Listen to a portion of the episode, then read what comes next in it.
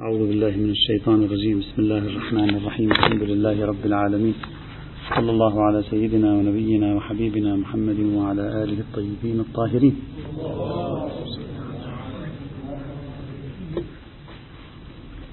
قلنا بأننا نريد أن نذكر أربعة قواعد وأربعة موضوعات ملحقة ببحث فقه الأولويات. من ضمنه هي يعني من توابع فقه الأولويات وقوانين التزاحم. القاعدة الأولى كانت قاعدة دفع الأفسد بالفاسد بمعنييها تكلمنا عنها. القاعدة الثانية قاعدة تقديم المحرم على الواجب تكلمنا أيضا عنها. القاعدة الثالثة التي ننهيها اليوم إن شاء الله تعالى هي قاعدة درء المفسدة أولى من جلب المصلحة أو دفع المفاسد مقدم على جلب المصالح. والنقطة الأخيرة التي سوف نختم بها نشرع بها اليوم ونختم بها غدا إن شاء الله هي العلاقة بين فقه الأولويات ومبدأ الغاية تبرر الوسيلة. وصلنا في الحديث عن قاعدة الدرء يعني درء المفسدة أولى من جلب المصلحة. وصلنا إلى الإشكالية التي يثيرها الكثير من الباحثين والمتكلمين اليوم في أن هذه القاعدة قاعدة تعطيلية وأنها تشل حركة الإنسان وأنه بناء على هذه القاعدة ينبغي علينا دائما أن نتعامل بذهنية احتياطية ولا نقدم على شيء إلا إذا كان هذا الشيء من ألفه إلى يائه نحن مطمئنون به ونستطيع أن نحرز مصالحه وما شابه ذلك. قد تكلمنا بالأمس عن هذه الإشكالية. في الحقيقة هذه الإشكالية آه، موجودة في الجملة. الآن إذا إذا دل الدليل الشرعي على قاعدة دفع المفسدة أولى من جلب المصلحة نلتزم. حتى هذه اللوازم هم نلتزم بها. لعله نحن مطالبون بأن نحتاط بحد أعلى ولو أدى ذلك إلى خسارة بعض المصالح مثلا. إذا دل الدليل. لكن قلنا بأنه لم يدل دليل أصلا على هذه القاعدة. ليس لها وجه لا من الكتاب لا من السنة لا من العقل. مشكلة هذه القاعدة ليس نفس القاعدة فقط. وأرجو أن نتنبه لهذا الموضوع. مشكلة هذه القاعدة ذهنيتها الفضاء النفسي والذهني الذي تصنعه في صاحبها. تجعله يتحرك دائما في كل القضايا ضمن معيار عدم الإقدام. يعني دعونا نعبر عنه بالإقدام بحده الأدنى ولا يكون عنده إقدام لا بالحد الأوسط ولا بالحد الأعلى. إقدامه على أي عمل دائما آه، يكون صعبا. إحجامه عن الأعمال عن المشاريع يكون أسهل بالنسبة إليه. مشكلة هذه القاعدة في الحياة العملية صرف النظر الآن عن دليلها مشكلة هذه القاعدة في الحياة العملية أنها تؤثر على صاحبها بحيث تحوله إلى إنسان غير مقدم. لا يملك شجاعة لا يملك آه، حس المخاطرة لا يملك جرأة على أن يقوم بأي مشروع. وبالتالي هو دائما يفضل في الحياة الاجتماعية في الحياة السياسية في حياته الاقتصادية على المستوى الفردي على المستوى الاجتماعي على المستوى العام. يفضل أن, أن, أن لا يقدم. هذا على مستوى الحياة الفردية يمكن للإنسان أن يفهمه. لكن ماذا لو كان هذا الذي يريد أن يطبق ذهنية قاعدة درء المفسدة أولى من جلب المصلحة هو عبارة عن حزب سياسي. هو عبارة عن تيار اجتماعي. هو عبارة عن مؤسسة مؤسسات المجتمع المدني. هو عبارة عن دولة. هو عبارة عن مجتمع بأكمله. ماذا لو كانت ذهنية هذه هذه الأحجام الكبيرة ذهنيتها هي درء المفسدة أولى من جلب المصلحة؟ فلا تقوم بأي مشاريع إلا بالحد الأدنى للمشاريع إلا أن يكون ضابطا متيقنا من كل شيء بجميع الحسابات. المشكلة هنا ليست في اللحظة الزمنية الحاضرة المشكلة هنا في المستقبليات. لأنك عندما تريد أن تقوم بأي مشروع في أي مجال في الحياة السياسية الاجتماعية الاقتصادية النتائج الربحية ما نسميه بالمصلحة الناتجة عن المشروع لا تكون في اللحظة الحالية. أنت لا تقوم بفعل الآن تحصل على مصلحته.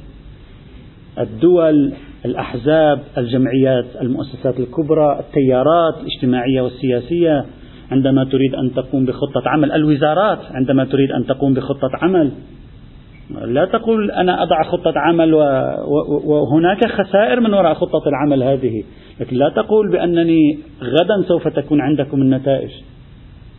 بعد خمس سنوات تكون نتائج بعد عشر سنوات تكون نتائج بعد عشرين سنة تكون نتائج. هكذا توضع الخطط بالنسبة إلى المؤسسات الكبيرة إلى الأحزاب الكبيرة إلى الدول إلى الجمعيات إلى التيارات الاجتماعية والسياسية.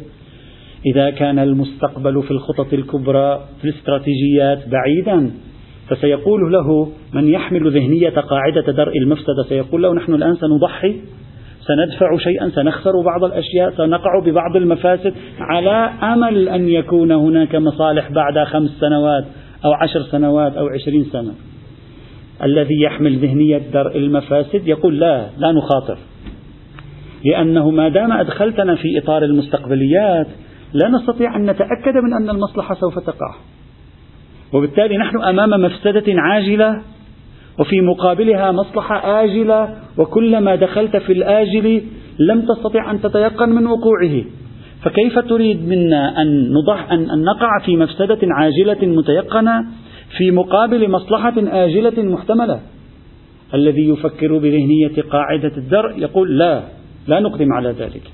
لا أقول نفس قاعدة الدرء تقول ذلك لا أريد أن أصر على أن القاعدة بعينها تقول. ذهنية القاعدة تقول ذلك وذهنية القاعدة موجودة حتى عند بعض الذين ينكرون القاعدة. يعني هذه الذهنية موجودة حتى مثلا عند المذاهب التي عادة تنكر هذه القاعدة مثل المذهب الإمامي. مع ذلك هذه الذهنية موجودة. يعني لا يفضل أن يدخل في مشاريع فيها خسارات الآن على احتماليات أن تكون هناك نتائج ربحية بعد سنوات طويلة. وبالتالي هذا ما سيعقد الموقف. إذا المشكلة التي تقع في ذهنية قاعدة الدرء أنها في موضوع المشاريع الربحية المصلحية المستقبلية بعيدة المدى غالبا ما لا توافق. إذا لاحظت أن هناك خسائر ستقع وأن الأرباح محتملة الوقوع أو الأرباح ولو كان احتمالها قويا الأرباح ليست مضمونة اليوم الآن في يدي.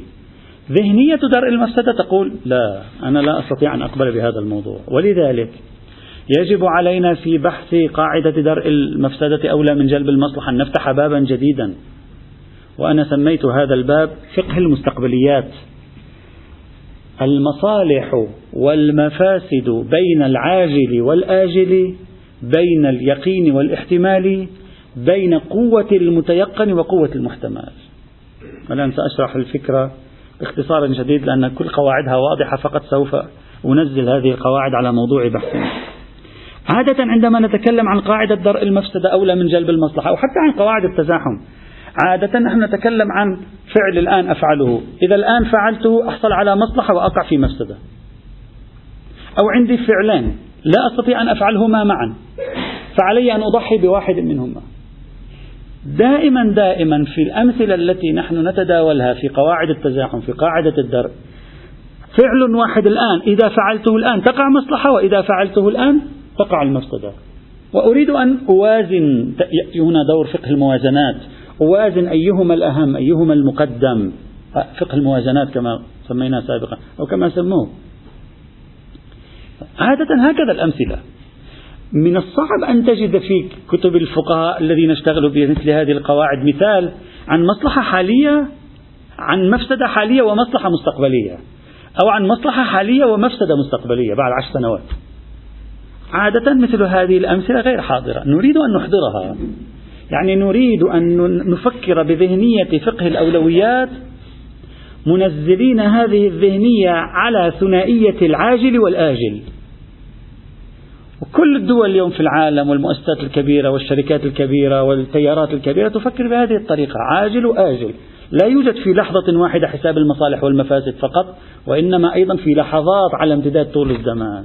وهذه قضية يجب أن نرصدها بعين الاعتبار. هذه بالنسبة إلينا مهمة. في هذا الإطار يوجد عندنا ثلاث عناصر لابد أن نأخذها بعين الاعتبار. العنصر الأول القوة الاحتمالية في الأمر الحالي والأمر الاستقبالي. يعني كم هي القوة الاحتمالية في أن يقع هذا هذه المفسدة الآن؟ وكم هي القوة الاحتمالية في أن تقع المصلحة المستقبلية؟ أو العكس. العنصر الثاني. القوة المحتملية في الأمر الحالي وفي الأمر الاستقبالي. كم هو كم هي قوة المحتمل فيما سيقع الآن؟ يعني أهميته.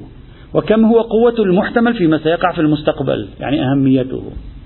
العنصر الثالث تنوع الأمر المستقبلي بين المصلحة والمفسدة. يعني تارة الأمر العاجل هو المفسدة والآجل هو المصلحة وتارة الأمر العاجل هو المصلحة وسيترتب على فعلنا هذا مفاسد لكن ستقع بعد سنوات. ليس الآن. الآن فقط مصالح نأخذ. الآن فقط نجني ثمارا. لكن بعد سنوات مديدة سوف نجني مفاسد. فعلينا أن نوازن بين المفاسد العاجلة الآجلة والمصالح العاجلة. إذا ثلاث عناصر في الحقيقة لو تأملنا الموضوع تدخل على الخط هنا.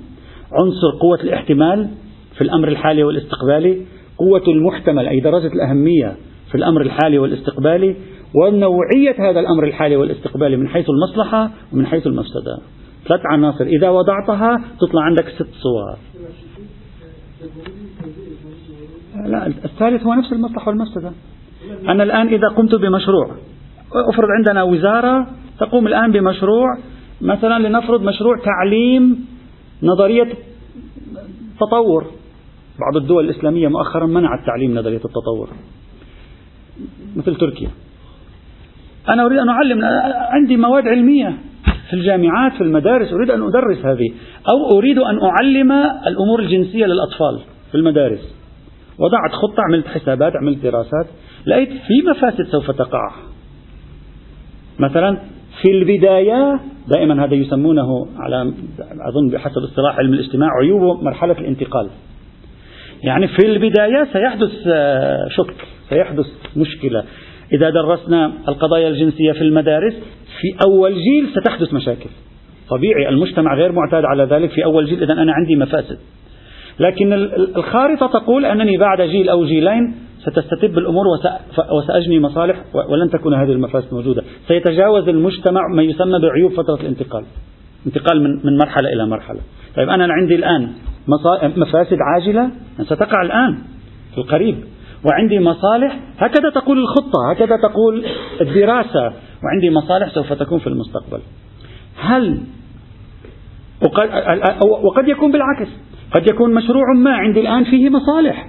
مثلا أنا الآن أقوم ب آه، لنفرض مثلا بالسماح بتجارة السجائر. السماح بتجارة السجائر سوف في القريب العاجل مباشرة سوف يجني علي أموال طائلة. نسبة الضرر التي ستطال الناس خلال الخمس سنوات الأولى ليست كبيرة. لكن إذا استمر الوضع إذا أنا هذا مشروع عندي بعشرين سنة. لكن الجيل الثاني ستحدث مفاسد أكبر من تلك المصالح التي جنيتها.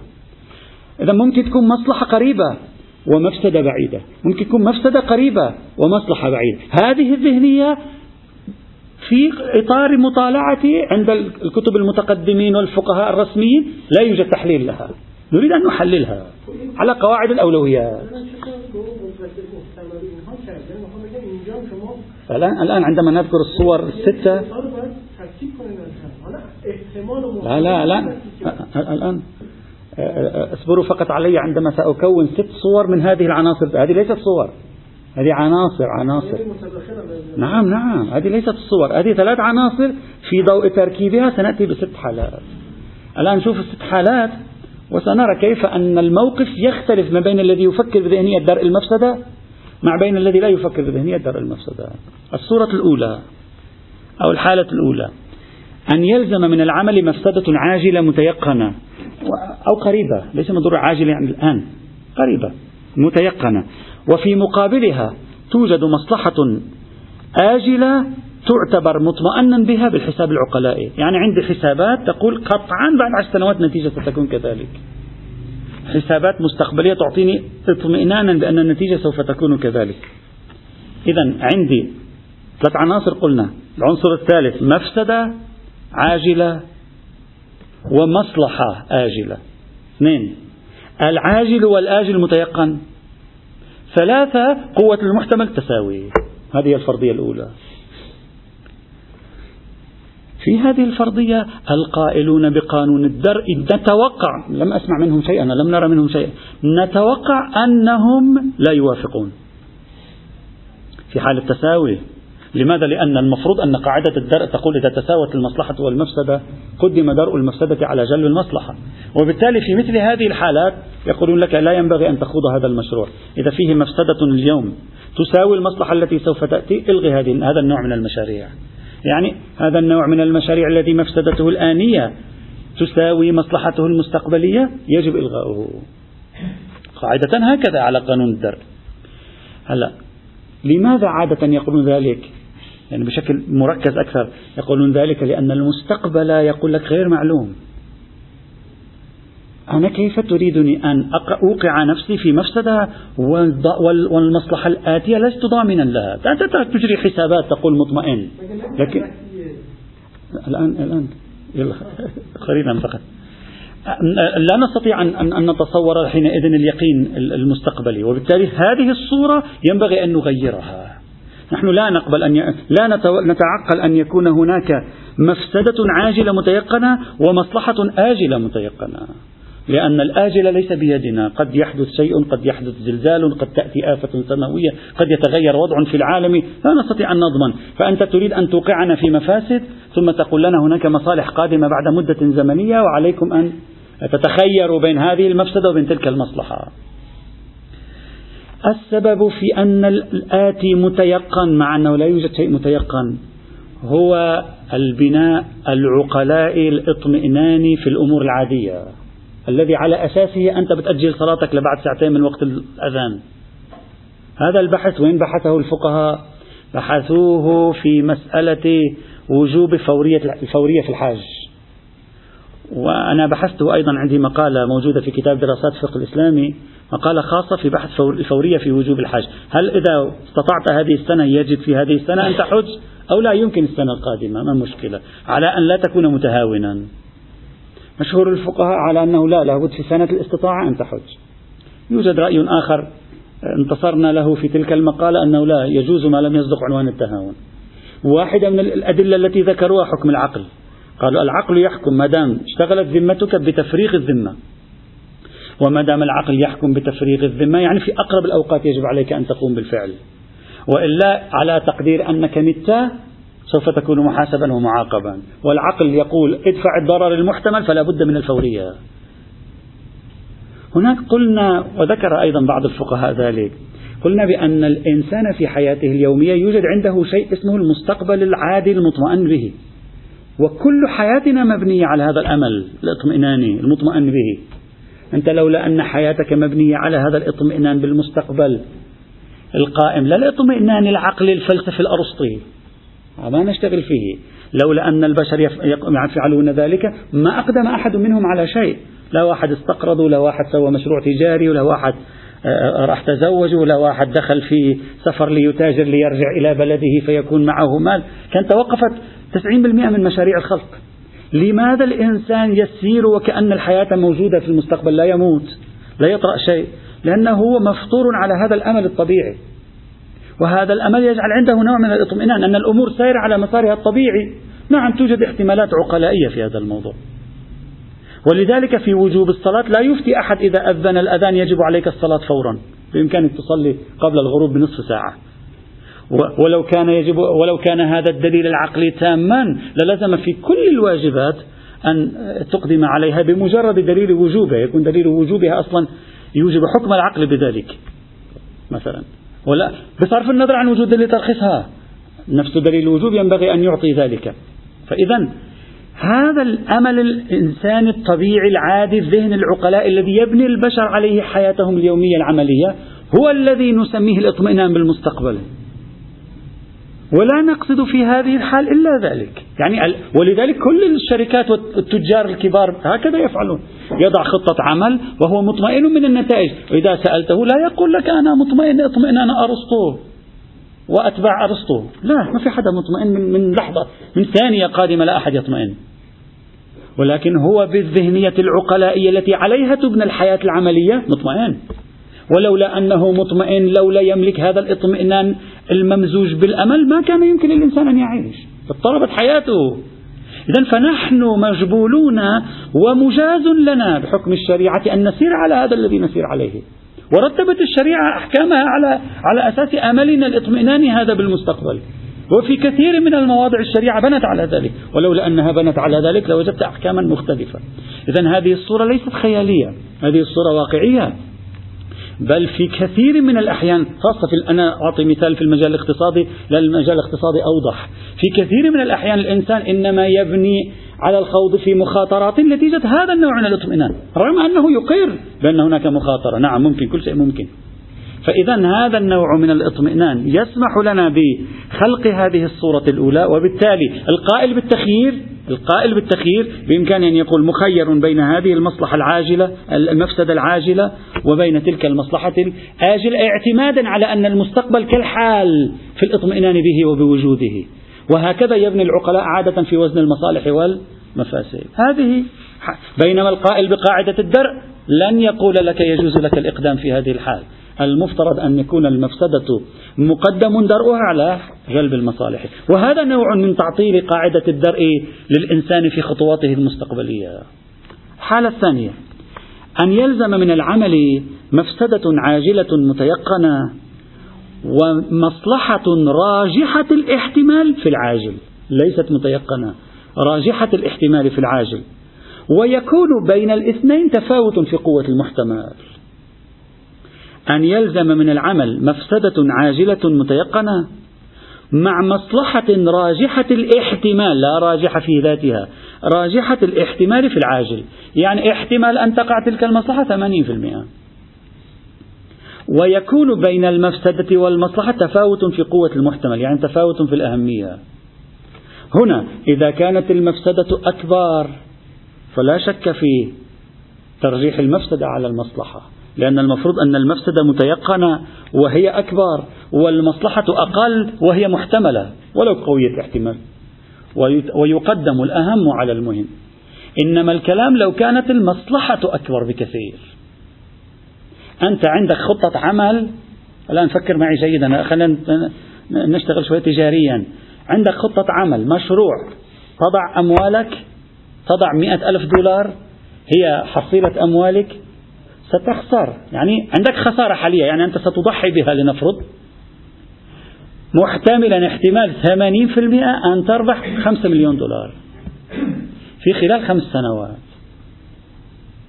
يعني أنت كإنسان تريد أن تخوض عملا تجاريا أنت من الممكن أن تضع مالا تحتمل تتيقن أنك ستخسره يعني سيذهب عليك على كل حال. لكن في احتمال أن يأتي مكانه. ما هو أضعاف هذا المال؟ باحتمال قوي. إذا المصلحة أكبر والمفسدة أقل. لكن المفسدة متيقنة في العاجل والمصلحة محتملة قوية الاحتمال في, في الآجل. الآن في ذهنكم العقلاء بالطبع العقلاء ماذا يفعل الإنسان في هذه الحال؟ هل يقدم على مثل ذلك؟ هل يقبح العقلاء سلوك هذا الشخص؟ ويقولون لا لا ينبغي فعل ذلك أو يقولون لا هذا عمل صحيح هذا عمل لا إشكال فيه. يعني لو خسرا هل يذمونه؟ أو لا يذمونه؟ هذا هو السؤال. حيث إننا لم نتيقن من أن العقلاء فعلا لا يذمونه أي يحسنون فعله المفترض قاعدة المفترض قاعدة أن عدم العلم بتحقق المصلحة يوجب الظن وهذا الظن لا قيمة له. وبالتالي لا يلزم على لا ينبغي لك أن تقدم على المخاطرة العاجلة المتيقنة لأجل مصلحة آجلة قوية الاحتمال لكن ليست مطمئنة. في الحسابات ليست مؤكدة. مؤكدة بالتأكيد العقلاني لا مؤكدة بالتأكيد العلمي. إلا إذا دل دليل في الشرع على أن نوع هذه المصلحة القادمة مما يريده الشارع مهما حتى لو كانت الخسائر معتد بها ولو كان هو محتملا. إذا في دليل لا بأس. هذه صورة ثانية. الحالة الثالثة عكس الحالة الأولى وحكمها كحكمها لا نعيد. عكس تماما. يعني العمل فيه مصلحة عاجلة متيقنة ومفسدة راجحة الاحتمال في العاجل مع تفاوت قوة المحتمل فيهما على الشكلين. نفسها اقلبها ستكون النتيجة. لا, لا نطيل. الحالة الرابعة. أن تكون المفسدة العاجلة راجحة الاحتمال. المفسدة العاجلة راجحة الاحتمال. فيما المصلحة الآجلة مطمئنا بها عقلائيا. يعني احتمال أن يلحقني مفسدة عاجلة 70% واحتمال أن أحصل على مصلحة آجلة 100% هنا لا شك في في هذه الحال أن عليك أن ترجح جانب المصلحة على جانب المفسدة. لأن المصلحة متيقنة والمفسدة غير متيقنة وبالتالي طبيعي أن تكون جانب المصلحة هو السائد في هذا الإطار سواء كانت المصلحة أقوى أو كانت المصلحة مساوية أو حتى لو كانت المصلحة أقل لأن المفروض أنها متيقنة وتلك لا ينافسها ما ليس بمتيقن. إلا إذا كان نوع هذه المفسدة من المفاسد التي نعلم أن الشريعة تقول راعها ولو احتمالا على حساب أمر متيقن. إذا كان دل الدليل على ذلك لا بأس. الحالة الخامسة. عكس الحالة الرابعة. أنت في البيت اعكسها عكس الحالة الرابعة تماما وحكمها بعكسها تماما حتى لا نطيل. هذه الحالة الخامسة الحالة السادسة أن تكون المصلحة العاجلة والآجلة محتملة. أحتمل الآن عفوا أن تكون العاجلة والآجلة محتملة. يعني سواء كانت مصلحة عاجلة ومفسدة آجلة أو مفسدة عاجلة ومصلحة آجلة على التقديرين. كلاهما طبعا في داخل الصورة صورة لكن أنا اختصرتها. أن يكون العاجل والآجل معا محتملا. لا أجزم بوقوعي في مفسدة لا أجزم بتحقق مصلحة من وراء فعلي. وطبعا هنا يقدم ما هو الأقوى في محتمل الأهمية. لماذا؟ لأننا قلنا في قواعد التزاحم بأن محتمل الأهمية يقدم على ما ليس بمحتمل الأهمية. هنا إذا كان في أقوائية الاحتمال تأخذ بأقوائية الاحتمال كلاهما محتمل إن وجد أقوائية الاحتمال تأخذ بأقوائية الاحتمال على ما قلناه سابقا الصورة الثالثة من صور التزاحم. تأخذ بأقوائية الاحتمال حينئذ. وإذا لا يوجد أقوية الاحتمال تساوي تخيير. لكن الذي يقول بقاعدة الدرء هنا ذهنيته تقتضي أن يقول بالترك. يعني إذا أمر أحتمل أن فيه مفسدة أحتمل أن فيه مصلحة الأولى أن أتركه. يعني أحتمل أن تأتيني فيه مفسدة وأحتمل أن تأتيني منه مصلحة؟ لا أرجح جانب المصلحة علي أن أتركه بجميع الصور حتى لو كانت المصلحة المحتملة أقوى من المفسدة المحتملة. على قاعدة الدرء ينبغي الترك. إذا لاحظنا أنه بناء على قاعدة الدرء في بعض هذه الصور نحن نحجم على غير قاعدة الدرء في بعض هذه الصور نحن نقدم من الذي يسمح لي بالإقدام قاعدة التخيير. وبذلك تجد أن ما يتعلق بفقه المستقبليات قاعدة الدرء تحجمني عن الإقدام نسبة إلى نقيضها وهو قاعدة التخيير. وبهذا نفهم أن قاعدة درء المفسدة لا تجعل الإنسان طليقا أكثر في الإقدام على مشاريع مفتوحة على احتمالات في المستقبل. بينما قاعدة التخيير تجعله أقدر على ذلك. وإن كان بعض الصور على قاعدة التخيير على قاعدة الدرء مغلق الباب أمامك. هذا ما أردت في هذه العجالة أن أشير إليه. وأختم الكلام في قاعدة الدرء بوقفة قصيرة مع الشيخ علي دوست.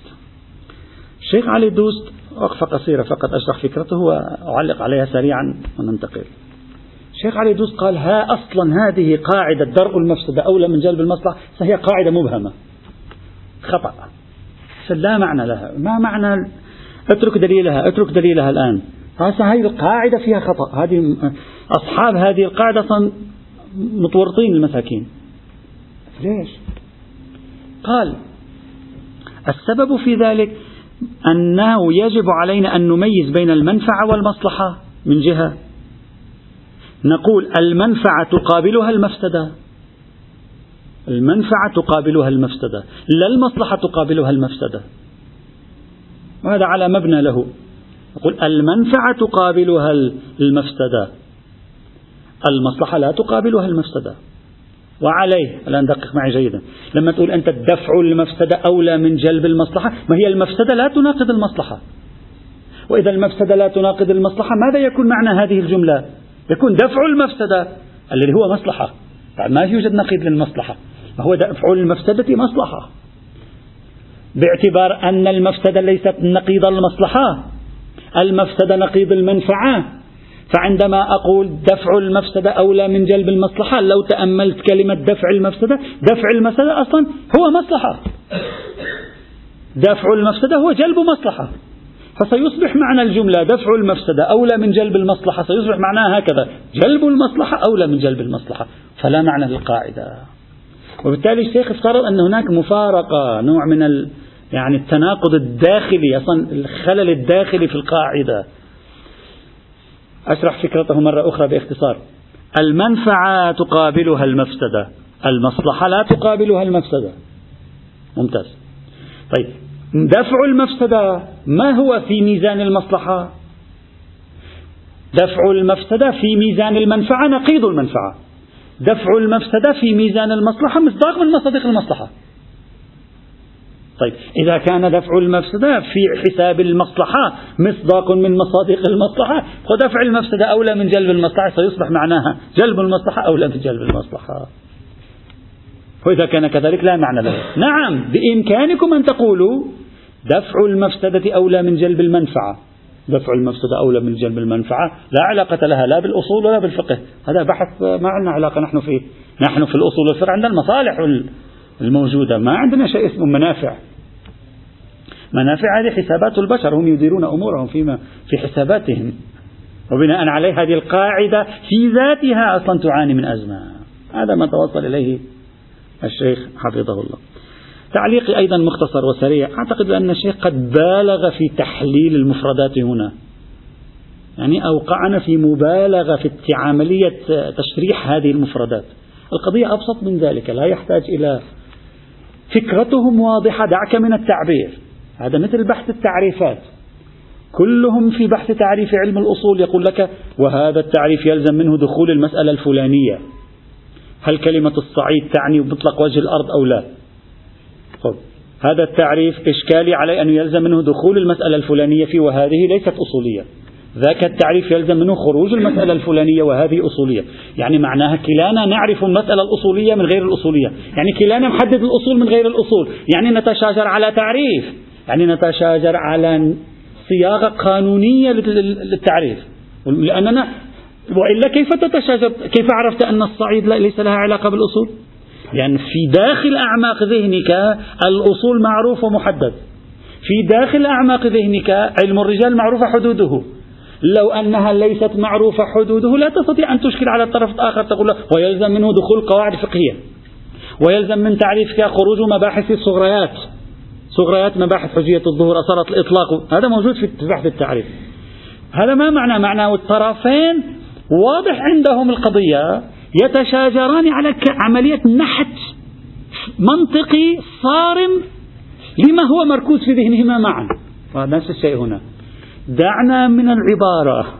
العبارات تفيد لا تفيد. هم كيف يعرفون المصلحة؟ أنت كيف تعرف المصلحة؟ هم كيف ي... هل المصلحة مقابل المنفعة أو المضرة مقابل المنفعة؟ دعنا من هذه. الفكرة ما هي؟ خلف هذه العبارات التي يقولونها ماذا يكمن؟ يكمن شيء واضح عرفي.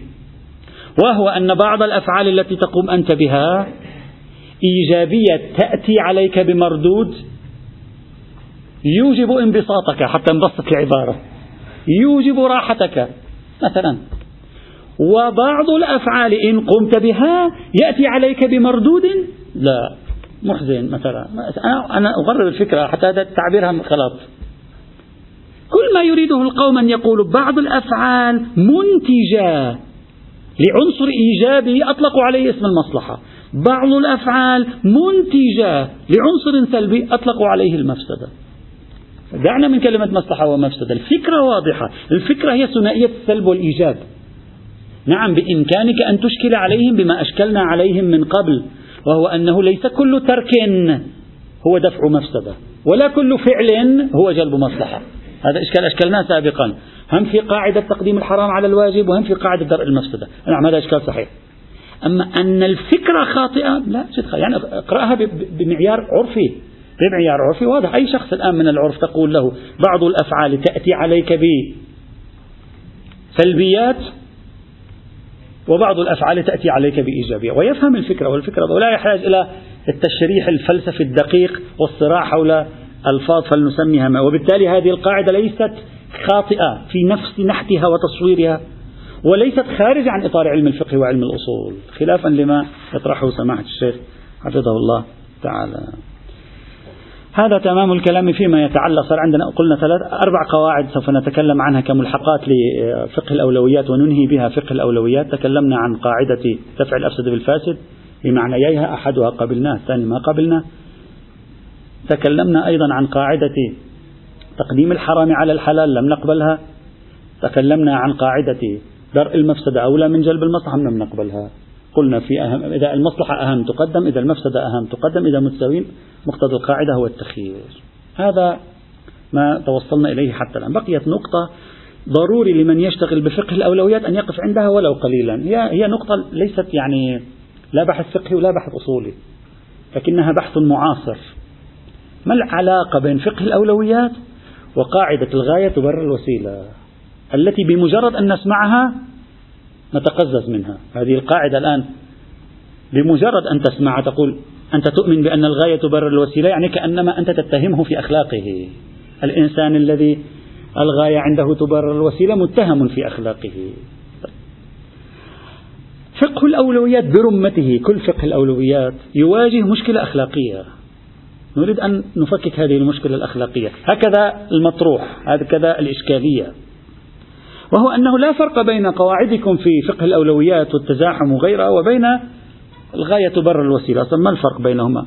وهذه القاعدة أي الغاية تبرر الوسيلة هي عين القاعدة التي يستخدمها الطغاة والمتحكمون والظلمة والمفسدون بحجة الغايات التي عندهم يفعلون أكبر الجرائم ويصادرون الحقوق ويرتكبون الجنايات بحجة أن هناك غاية يريدون أن يصلوا إليها.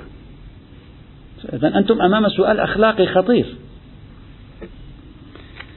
باسم تحقيق الغايات تفعل أي وسيلة تريد. هكذا تقول الغايات تبرر الوسيلة. إذا كان الإسلام يشرع مبدأ الأولويات إذا كان الفقه الإسلامي يشرع قانون التزاحم فأنتم باسم الغايات ترتكبون الوسائل المحرمة القبيحة أخلاقيا. تقول لأن الغاية أهم فأنا يمكنني أن أرتكب أي وسيلة من الوسائل ولو كانت قبيحة ولو كانت غير أخلاقية ولو كانت محرمة في نفس الشرع. هذا مبدأ الغاية تبرر الوسيلة. وبالتالي فقه الأولويات برمته يقف أمام سؤال الأخلاق. وأن تطبق بعد فقه الأولويات على الدولة الإسلامية وطبق فقه الأولويات على الأحزاب الإسلامية وطبق فقه الأولويات على التيارات الاجتماعية وطبق فقه الأولويات على المؤسسة الدينية. وانظر ألا أليست المخرجات هي نفسها قاعدة الغاية تبرر الوسيلة؟ أنا الآن أشرح الإشكالية بعدين سوف نحللها ونجيب. أليست هذه القواعد لما تنزلها على هذه الأربعة الدول الإسلامية الأحزاب الإسلامية التيارات الاجتماعية الإسلامية والمؤسسة الدينية أليست هذه لو نزلنا عليها قانون تزاحم نهايتها أن ننحر القيم الأخلاقية في سبيل غاياتنا وأغراضنا؟ هو هذا نفسه ما الفرق؟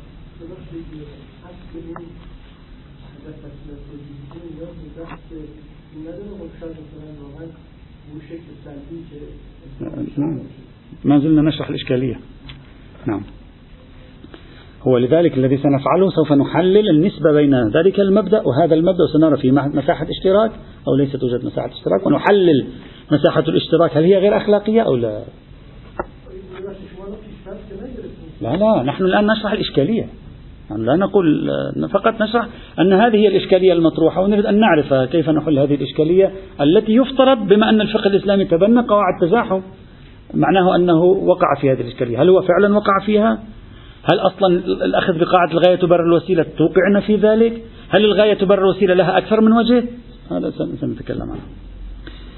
وهذه هي الميكيافيلية أصلا أصلا هي هذه كلمة الغاية تبرر الوسيلة هي مفهوم ميكيافيلي الذي طرح في كتابه المشهور الأمير طرح آه، وهو متوفى سنة 1527 طرح فكرة الغاية تبرر الوسيلة وهو الذي قال للحكام وهذه نظريته. لا يكفي في الحاكم أن يكون أسدا يجب أن يكون ثعلبا. هذه نظريته. قل أنت حاكم تسوي أسد؟ لا أسد لا يكفي. يجب أن تكون إضافة إلى أسديتك يجب أن تكون ثعلبا. غير أخلاقي الناس لا تدار بالأخلاق. وهذا وهو كما بحسب تعبيره في كتاب الأمير يقول هناك أولئك المثاليين أولئك الأخلاقيين المثاليين الذين يتصورون أنه بالإمكان إدارة الاجتماع البشري بالقيم الأخلاقية. هؤلاء يعيشون في صوامعهم لوحدهم لا يمكن أبدا. طبعا الرجل تعرض لهجمات كثيرة.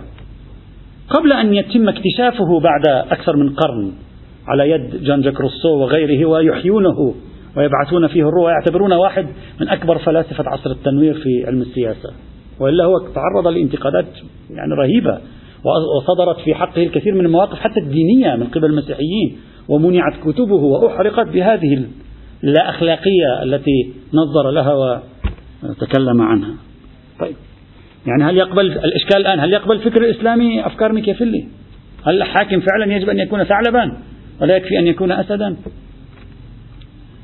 وهذه الإشكالية هنا. هل هل يصح أن نبني جيل من المؤمنين من الدعاة من رجال العمل الإسلامي يمتهنون الكذب والحيل والخداع ومختلف أشكال الفساد بحجة حفظ الأمة الإسلامية وحفظ المشروع الإسلامي وحفظ هذا هو الإشكال.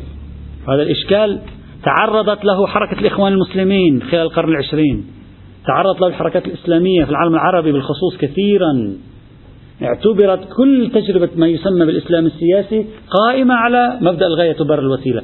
اعتبروا أنهم تشوهوا أخلاقيا. لذلك تجد في الفترات الأخيرة من القرن العشرين منظرو الحركة الإسلامية بدأوا يسنون هجوما على مبدأ الغاية تبرر الوسيلة.